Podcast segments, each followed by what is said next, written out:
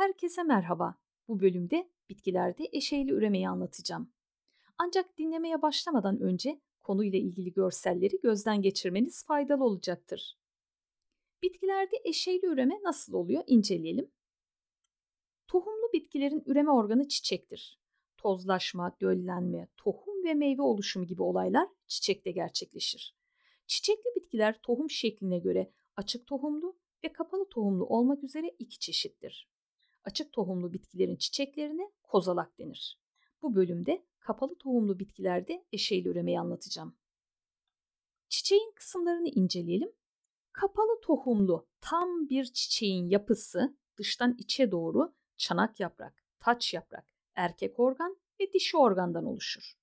Çiçek, çiçek sapıyla bitkiye bağlanır. Bir çiçek bu bahsettiğimiz yapıların tamamını taşıyorsa tam çiçek, diğer adıyla hermafrodit adını alır. Şeftali, erik buna örnektir. Bu yapılardan biri ya da daha fazlası eksikse eksik çiçek olarak adlandırılır. Ceviz, söğüt ve kavağı örnek olarak verebiliriz. Eksik çiçek sadece erkek organ taşıyorsa bu çiçeğe erkek çiçek, sadece dişi organ taşıyorsa bu çiçeğe de dişi çiçek denir. Dişi ve erkek çiçekler aynı bitki üzerinde ise bu bitkilere tek evcikli yani monoik bitkiler denir. Kabak, kavun, karpuz örnek olarak verebileceğimiz bitkilerdir. Eğer erkek ve dişi çiçekler farklı bitkiler üzerinde ise böyle bitkilere de iki evcikli yani dioik denir. Söğüt, kavak, incir, kivi örnek olarak verilebilir. Çiçekte bulunan çanak yaprak çiçek tomurcuk halindeyken iç taraftaki organları korur ve fotosentez yapar. Taç yapraklar çekici renk, koku ve görüntüsüyle böcekleri ve diğer tozlaştırıcı canlıları çekerek tozlaşmaya yardımcı olur. Her bir erkek organ filament dediğimiz bir sapçık ve anter dediğimiz bir başçıktan oluşur. Sapçık başçıkları taşır ve çiçek tablasına bağlıdır. Başçıkta polenler üretilir. Başçık dört bölmeli bir yapıdadır ve bu bölmelerde çok sayıda polen keseleri bulunur. Çiçeğin en içte kalan bölümünde ise dişi organ bulunur. Dişi organda yumurtalık, dişicik borusu ve tepecik olmak üzere üç kısımdan oluşur. Dişi organın en alt kısmında bulunan genişlemiş kısmına yumurtalık yani ovaryum denir. Yumurtalıktan yukarıya doğru tepeciye kadar uzanan boruya dişicik borusu denir. Dişicik borusunun üstündeki kısmına da stigma dediğimiz tepecik adı verilir. Tepecik polenlerin tutunup çimlendiği nemli ve yapışkan bir yapıdadır. Çiçekli bitkilerde polen oluşumuna bakalım. Erkek organın başçığındaki polen keselerinde çok sayıda 2N diploid kromozomlu polen ana hücresi yani buna biz mikrospor ana hücresi de diyoruz. Bunlar bulunuyor. Bu hücrelerin her biri mayoz geçiriyor ve mikrospor adını verdiğimiz N haploid kromozomlu 4 tane hücre oluşuyor. Her mikrospor çekirdeği mitoz geçirerek ikişer çekirdekli polenler oluşuyor. Yani bu noktada çekirdek bölünmesi var ama sitoplazma bölünmesi yok. Polen çekirdeklerinden biri döllenmeyi sağlıyor. Buna üretken yani generatif çekirdek diyoruz. Diğeri de polen tüpünü oluşturuyor. Buna da tüp ya da vejetatif çekirdek diyoruz. Erkek organında sadece polen oluşumu var. Sperm oluşumu gerçekleşmez. Spermler dişicik borusunda oluşur. Polenlerin etrafı çift katlı zarla çevrilidir. Bitkilerde polenin yapısı türe özgü özellik gösterir. Dişi üreme hücresinin oluşumuna bakalım. Yumurtalığın içinde tohum taslağı bulunuyor. Onların da içinde 2N diploid kromozomlu megaspor ana hücreleri var. Bu hücreler mayoz geçiriyor. N haploid kromozomlu 4 tane megaspor hücresi oluşuyor. Bu hücrelerin genellikle 3'ü eriyerek yok oluyor. Geriye kalan bir tanesi büyümeye devam ediyor. Büyüyen bu megasporun çekirdeği sitokinez olmadan yani sitoplazma bölünmesi olmadan ard arda 3 kez mitoz geçiriyor ve sonuçta 8 tane haploid çekirdekli büyük bir hücre oluşuyor. Bu 8 çekirdekten 2 tanesi tohum taslağının tam ortasına yani merkezine gelerek polar çekirdekleri oluşturuyor. 3 tanesi mikropil dediğimiz ovaryum açıklığının ters yönünde bulunuyor ve antipod çekirdek adını alıyor. 3 tanesi de ovaryum açıklığı tarafında bulunuyor. Bunlardan ortadaki olan yumurta hücresidir. Yumurta hücresinin her iki yanında bulunan çekirdeklere de sinerjit çekirdek deniliyor. 8 çekirdekten oluşan ve döllenmeye hazır hale gelen bu yapıya da embriyo kesesi denir. Döllenme olacağı zaman 3 tane antipod çekirdek ile 2 tane sinerjit çekirdekler eriyerek kayboluyor. Tozlaşmanın oluşumuna bakalım. Erkek organın başçığındaki polen keseleri içinde polen gelişimi tamamlanınca patlıyor.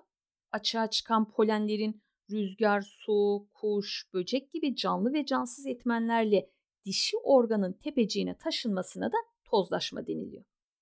Bir çiçekte bulunan polenin aynı çiçekteki dişi organın tepeciğine ulaşmasına kendi kendine tozlaşma denir. Bunun gerçekleşebilmesi için erkek ve dişi üreme hücrelerinin yani gametlerin aynı zamanda üretilmiş olması gerekir. Ancak genellikle bu özellikteki bitkilerin kendi kendini döllemesini önlemek için erkek ve dişi gametlerin farklı zamanlarda oluşturulmasına yönelik uyumlar gelişmiştir. Bu durumda tozlaşma için farklı bir ebeveyn gerekir. Bu da genetik çeşitliliği arttırır. Bir çiçeğin aynı türden başka bir çiçekle tozlaşmasına çapraz tozlaşma denir. Çapraz tozlaşmada genetik çeşitlilik artar. Genetik çeşitliliğin artması değişen ortam koşullarına daha dayanıklı bireylerin oluşmasını sağlar. Rüzgarla tozlaşan bitkilerde polen sayısı çok, hafif ve yüzeyleri düzdür. Suyla tozlaşan bitkilerin suya batmadan taşınabilmeleri için polenlerinin içinde hava boşlukları bulunur. Böceklerle tozlaşan bitkilerin çiçekleri tarafından salgılanan güzel kokular, bal gibi maddeler, taç yapraklarındaki parlak ve güzel renkler tozlaştırıcı hayvanları çeker. Bu bitkilerin polenleri daha ağır ve girintili çıkıntılı bir yapıya sahiptir. Tozlaşma insan eliyle de yapılabilir. Buna suni tozlaşma denir. Döllenme ise şöyle gerçekleşiyor. Tozlaşmayla dişi organın tepeciğine taşınan polen nemli ve yapışkan olan tepeciğin üzerinde çimleniyor. Sonra polendeki tüp çekirdeği dişicik borusunun içine doğru uzanarak polen tüpünü oluşturuyor. Üretken çekirdek de bu tüpün içine geçiyor ve polen tüpünde ilerlemeye başlıyor. Üretken çekirdek ilerlerken mitoz bölünmede geçiriyor ve iki tane sperm oluşuyor. Polen tüpü tohum taslağının mikropil denilen açıklığından giriyor ve sperm çekirdeklerini embriyo kesesine aktarıyor. Spermlerden birinin yumurtayı dölleyerek 2N kromozomlu zigotu oluşturmasına döllenme denir. Zigotun gelişmesiyle de bitki embriyosu oluşuyor.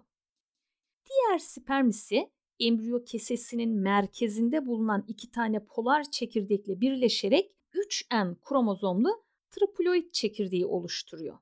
Bu çekirdek tohumda besin maddelerini depo eden endosperm dediğimiz besi dokuyu oluşturuyor. Yani embriyo kesesinde çift döllenme vardır. Tohum oluşumunu inceleyelim. Çift döllenmeden sonra tohum taslağının olgunlaşıp farklılaşmasıyla oluşan yapıya da tohum diyoruz. Tohum bitkinin türüne göre değişen oranlarda besin depolar. Bir tohum dıştan içe doğru tohum kabuğu, besi doku yani endosperm ve embriyodan oluşur. Tohum kabuğunun çeperi süberin ve lignin birikimiyle kalınlaşmıştır. Bu sayede embriyo ve besin kaynaklarını çevreleyerek onları olumsuz çevre şartlarından korur. Tohum kabuğu gaz alışverişine izin vermez. Bu nedenle kuru tohum etil alkol fermentasyonu yapar. Endosperm yani besi doku çimlenme sırasında embriyonun kullanacağı besin maddelerini depolar. Döllenme ile oluşan zigot da mitozla gelişerek embriyoyu oluşturur. Embriyonun yapısında embriyonik kök, embriyonik gövde ve çenek olmak üzere 3 tane yapı bulunur. Tohumlu bitkilerde embriyoyu kaplayan etli kısma çenek denir. Çenek endospermden aldığı besini embriyoya aktarır. Tohum taslığında bir çenek bulunduran bitkilere tek çenekli, iki çenek bulunduran bitkilere de çift çenekli bitkiler denir. embriyonik kökün gelişmesiyle bitkinin kök sistemi, embriyonik gövdenin gelişmesiyle de sürgün sistemi oluşur. Meyve nasıl oluşuyor? Yumurtalığın döllenmeden sonra bazı hormonların etkisiyle gelişip farklılaşarak dönüştüğü yapıya meyve denir. Meyveler basit meyve, bileşik meyve ve küme meyve olmak üzere üç grupta incelenir. Bir çiçeğe ait tek bir yumurtalığın gelişmesiyle oluşan meyveye basit meyve denir. Portakal, kiraz, kayısı, üzüm, erik, bakla gibi meyveler basit meyvelerdir. Bir çiçek sapına bağlı birden fazla çiçeğe ait yumurtalıkların birleşerek tek bir meyve haline gelmesiyle oluşan meyvelere bileşik meyve denir. Ananası örnek olarak verebiliriz.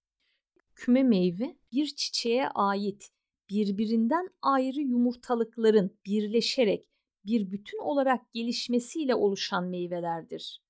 Çilek, dut, böğürtlen gibi meyveler küme meyvelerdir. Meyve tohumların korunmasını ve yayılmasını sağlayacak şekilde özelleşmiş yapılardır. Çiçekli bitkilerde tohum ve meyvelerin farklı yaşam alanlarına dağıtılması neslin devamlılığı açısından önemli ve gereklidir. Meyveler ve tohumlar ana bitkiden daha uzak mesafelere rüzgar, su, hayvan ve insanlar aracılığıyla taşınır. Bitkilerde tohumun yayılmasını kolaylaştırmak için çeşitli adaptasyonlar gelişmiştir. Dormansiyi açıklayalım. Daha önce bahsetmiştim ama tohum oluştuktan sonra içindeki su miktarı azalıyor. %15'in altına kadar düşüyor. Bu durumda embriyo gelişimi duraklar ve çimlenme gerçekleşene kadar dormansi dediğimiz uyku hali oluşur. Bu dönemde metabolik hız oldukça yavaştır ve embriyo büyümez. Dormansinin süresi bitkinin türlerine ve çevresel faktörlere göre farklılık gösterir. Çevresel faktörler uygun hale geldiğinde tohum dormansi evresinden çıkar ve çimlenir. Tabi bu olaylar daha önce bahsettiğimiz hormonlar etkisiyle gerçekleşiyor. Çimlenme ise olgunlaşmış bir tohumdaki embriyonun uygun koşullarda yeni bir bitki haline gelinceye kadar geçirdiği süreçtir. Tohumun çimlenmesi için ortamda yeterli miktarda oksijenle su bulunması ve sıcaklığında uygun olması gerekir. Bu koşullarda su alan tohum genişler, kabuğu çatlar ve embriyoda metabolik değişiklikler başlar. Enzimler çenek ve besi dokudaki besin maddelerini sindirmeye başlar ve bu sayede embriyo hücrelerinin hızla bölünüp çoğalması için gerekli enerji sağlanmış olur. Mitozla çoğalan embriyo hücrelerinin farklılaşmasıyla embriyonik kök ve embriyonik gövde gelişir. Tohum kabuğundan önce embriyonik kök çıkar ve bitki kökünü oluşturur. Sonra da gövde çıkar. Çimlenme için toprak, ışık ve karbondioksite ihtiyaç yoktur. Nadiren de olsa bazı bitkiler ışığa ihtiyaç duyabilir. Tohumun çimlenmesinde genetik ve çevresel faktörler etkilidir. Çevresel faktörlerin en önemlileri az önce de belirttiğim gibi sıcaklık, su ve oksijendir. Sıcaklık enzimlerin çalışma hızında ve tohumun su almasında etkilidir. Soğuk ortamlarda çimlenme yavaştır. Çimlenme için gerekli olan sıcaklık bitki türlerine göre de farklılık gösterir. Tohuma alınan su metabolik faaliyetleri hızlandırır, enzim faaliyetlerini başlatır. Su çimlenme sonrası bitkinin büyümesi için de gereklidir.